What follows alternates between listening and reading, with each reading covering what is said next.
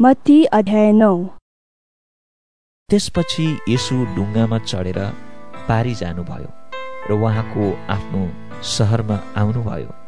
मानिसहरूले खाटमा पसरिरहेको एकजना पक्षाघात रोग लागेको मानिसलाई उहाँ कहाँ ल्याए?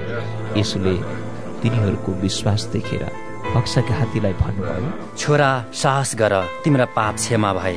शास्त्रीहरूमध्ये कतिले आपसमा भने यिनी परमेश्वरको निन्दा गर्दैछन्। यसुले तिनीहरूको विचार बुझेर भन्नुभयो तिमीहरू किन आफ्ना हृदयमा दुष्ट विचार गर्दछौ?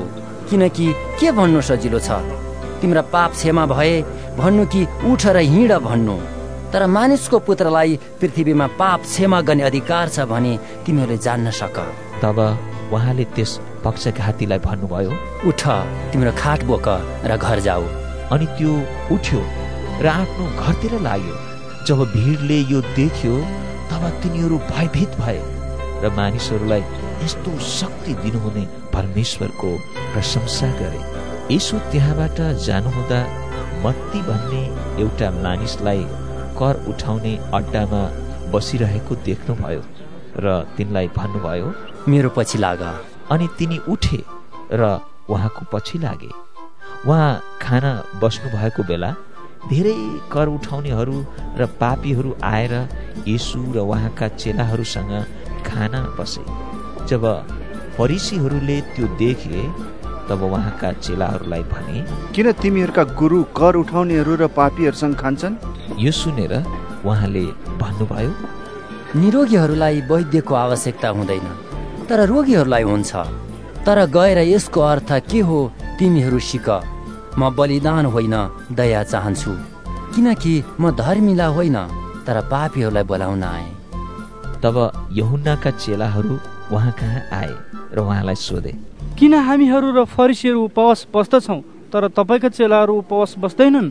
यसुले तिनीहरूलाई भन्नुभयो जबसम्म दुलहा जन्तीहरूसँग रहन्छन् के तिनीहरू शोक मनाउँछन् र तर ती दिन आउनेछन् जब दुलहा तिनीहरूबाट लगिनेछन्? तब तिनीहरू उपवास बस्नेछन् कसैले पुरानो वस्त्रमा नयाँ कपडाको टालो टाल्दैन किनकि नयाँ टालोले वस्त्रलाई फटाउँछ र वस्त्र झन बढी फाड्छ कसैले पुरानो छालाको मसकमा नयाँ दाख मत राख्दैन न त मसक फुट्छ र दाख मत पोखिन्छ र मसक नष्ट हुन्छ। तर नयाँ दाख मत नयाँ छालाको मसकमा राखिन्छ र दुवै जोगिन्छन्। जब उहाँले तिनीहरूलाई यी कुरा भन्दै हुनुहुन्थ्यो तब सभाघरका एउटा शासक आए र उहाँलाई दण्डवत गरी भने मेरो छोरी भर्खरै मरि आएर त्यसमा तपाईँको हात राखिदिनुहोस् र त्यो जीवित हुनेछ। यीशु उठ्नुभयो र आफ्ना चेलाहरूसँग तिनको पछि लाग्नुभयो। त्यति नै बेला बाह्र वर्षदेखि रगत बहने रोग भएकी एउटी स्त्रीले पछ्यौतिरबाट आएर उहाँका वस्त्रको किनार छोई। किनकि त्यसले मनमा नै सोचेकी थिए। मैले उहाँको वस्त्र मात्र छोए भने पनि म निको भइजानेछु। फनक्क फर्की हेर्दा यसुले त्यस स्त्रीलाई देख्नुभयो र भन्नुभयो छोरी साहस गर तिम्रो विश्वासले तिमीलाई निको पारेको छ। त्यो स्त्री त्यही घडी निको भए अनि जब यीशु शासकको घरमा आइपुग्नु भयो उहाँले बाँसुरी बजाउनेहरू र भिडले खै बैला मचाइरहेका देख्नुभयो। उहाँले तिनीहरूलाई भन्नुभयो बाहिर जाओ किनकि ठिटी मरेकी छैन तर सुतेकी छे। तिनीहरूले उहाँको हाँसो गरे। भिडलाई बाहिर निकाल्नु भएपछि उहाँ भित्र पस्नुभयो र त्यस ठिटीको हात समात्नु भयो अनि त्यो ठिटी जुरुक्क उठी तब यस कुराको कृति त्यस मुलुकभरि फिजियो। यीशु त्यहाँबाट जानुहुँदा दुईजना अन्धाहरू? हे दाउदका पुत्र हामी माथि दया गर्नुहोस्। भनी कराउँदै उहाँको पछि पछि लागे। उहाँ घरमा पस्नु भएपछि ती अन्धा मानिसहरू उहाँ कहाँ आए? यसोले तिनीहरूलाई भन्नुभयो म यो गर्न सक्छु भने के तिमीहरू विश्वास गर्दछौ? तिनीहरूले उहाँलाई भने ज्यू प्रभु। तब उहाँले तिनीहरूका आँखा छोएर भन्नुभयो तिमीहरूको विश्वास अनुसार तिमीहरूलाई होस्। अनि तिनीहरूका आँखा खोलिए। यसोले यसो भनेर तिनीहरूलाई कडा आज्ञा दिनुभयो। यो कुरो कसैले थाहा नपाओस्। तर तिनीहरू गए र त्यस इलाकाभरि उहाँको कृति फिजाए जब उहाँहरू निस्केर जाँदै हुनुहुन्थ्यो तब भूत लागेको एउटा गुङ्गु मानिस उहाँ कहाँ ल्याइयो?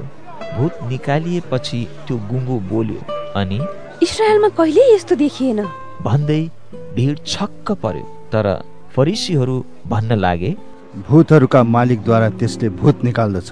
यीशु समस्त सहरहरू र गाउँहरूतिर तिनीहरूका सभाघरहरूमा शिक्षा दिँदै राज्यको सुसमाचार प्रचार गर्दै र हरेक किसिमका रोग र दुर्बलताहरू निको पार्दै हिँड्नुभयो। तर भिडहरूलाई देखेर उहाँको हृदय तिनीहरूका निम्ति दयाले भरियो। किनभने तिनीहरू गोठाला बिनाका भेडाहरू जस्तै हैरान र असहाय भएका थिए। तब उहाँले आफ्ना चेलाहरूलाई भन्नुभयो फसल प्रशस्त छ तर खेतालाहरू थोरै छन्। यसकारण फसलका प्रभुलाई प्रार्थना गर र उहाँले आफ्नो फसलमा खेतालाहरू पठाइदिउन्।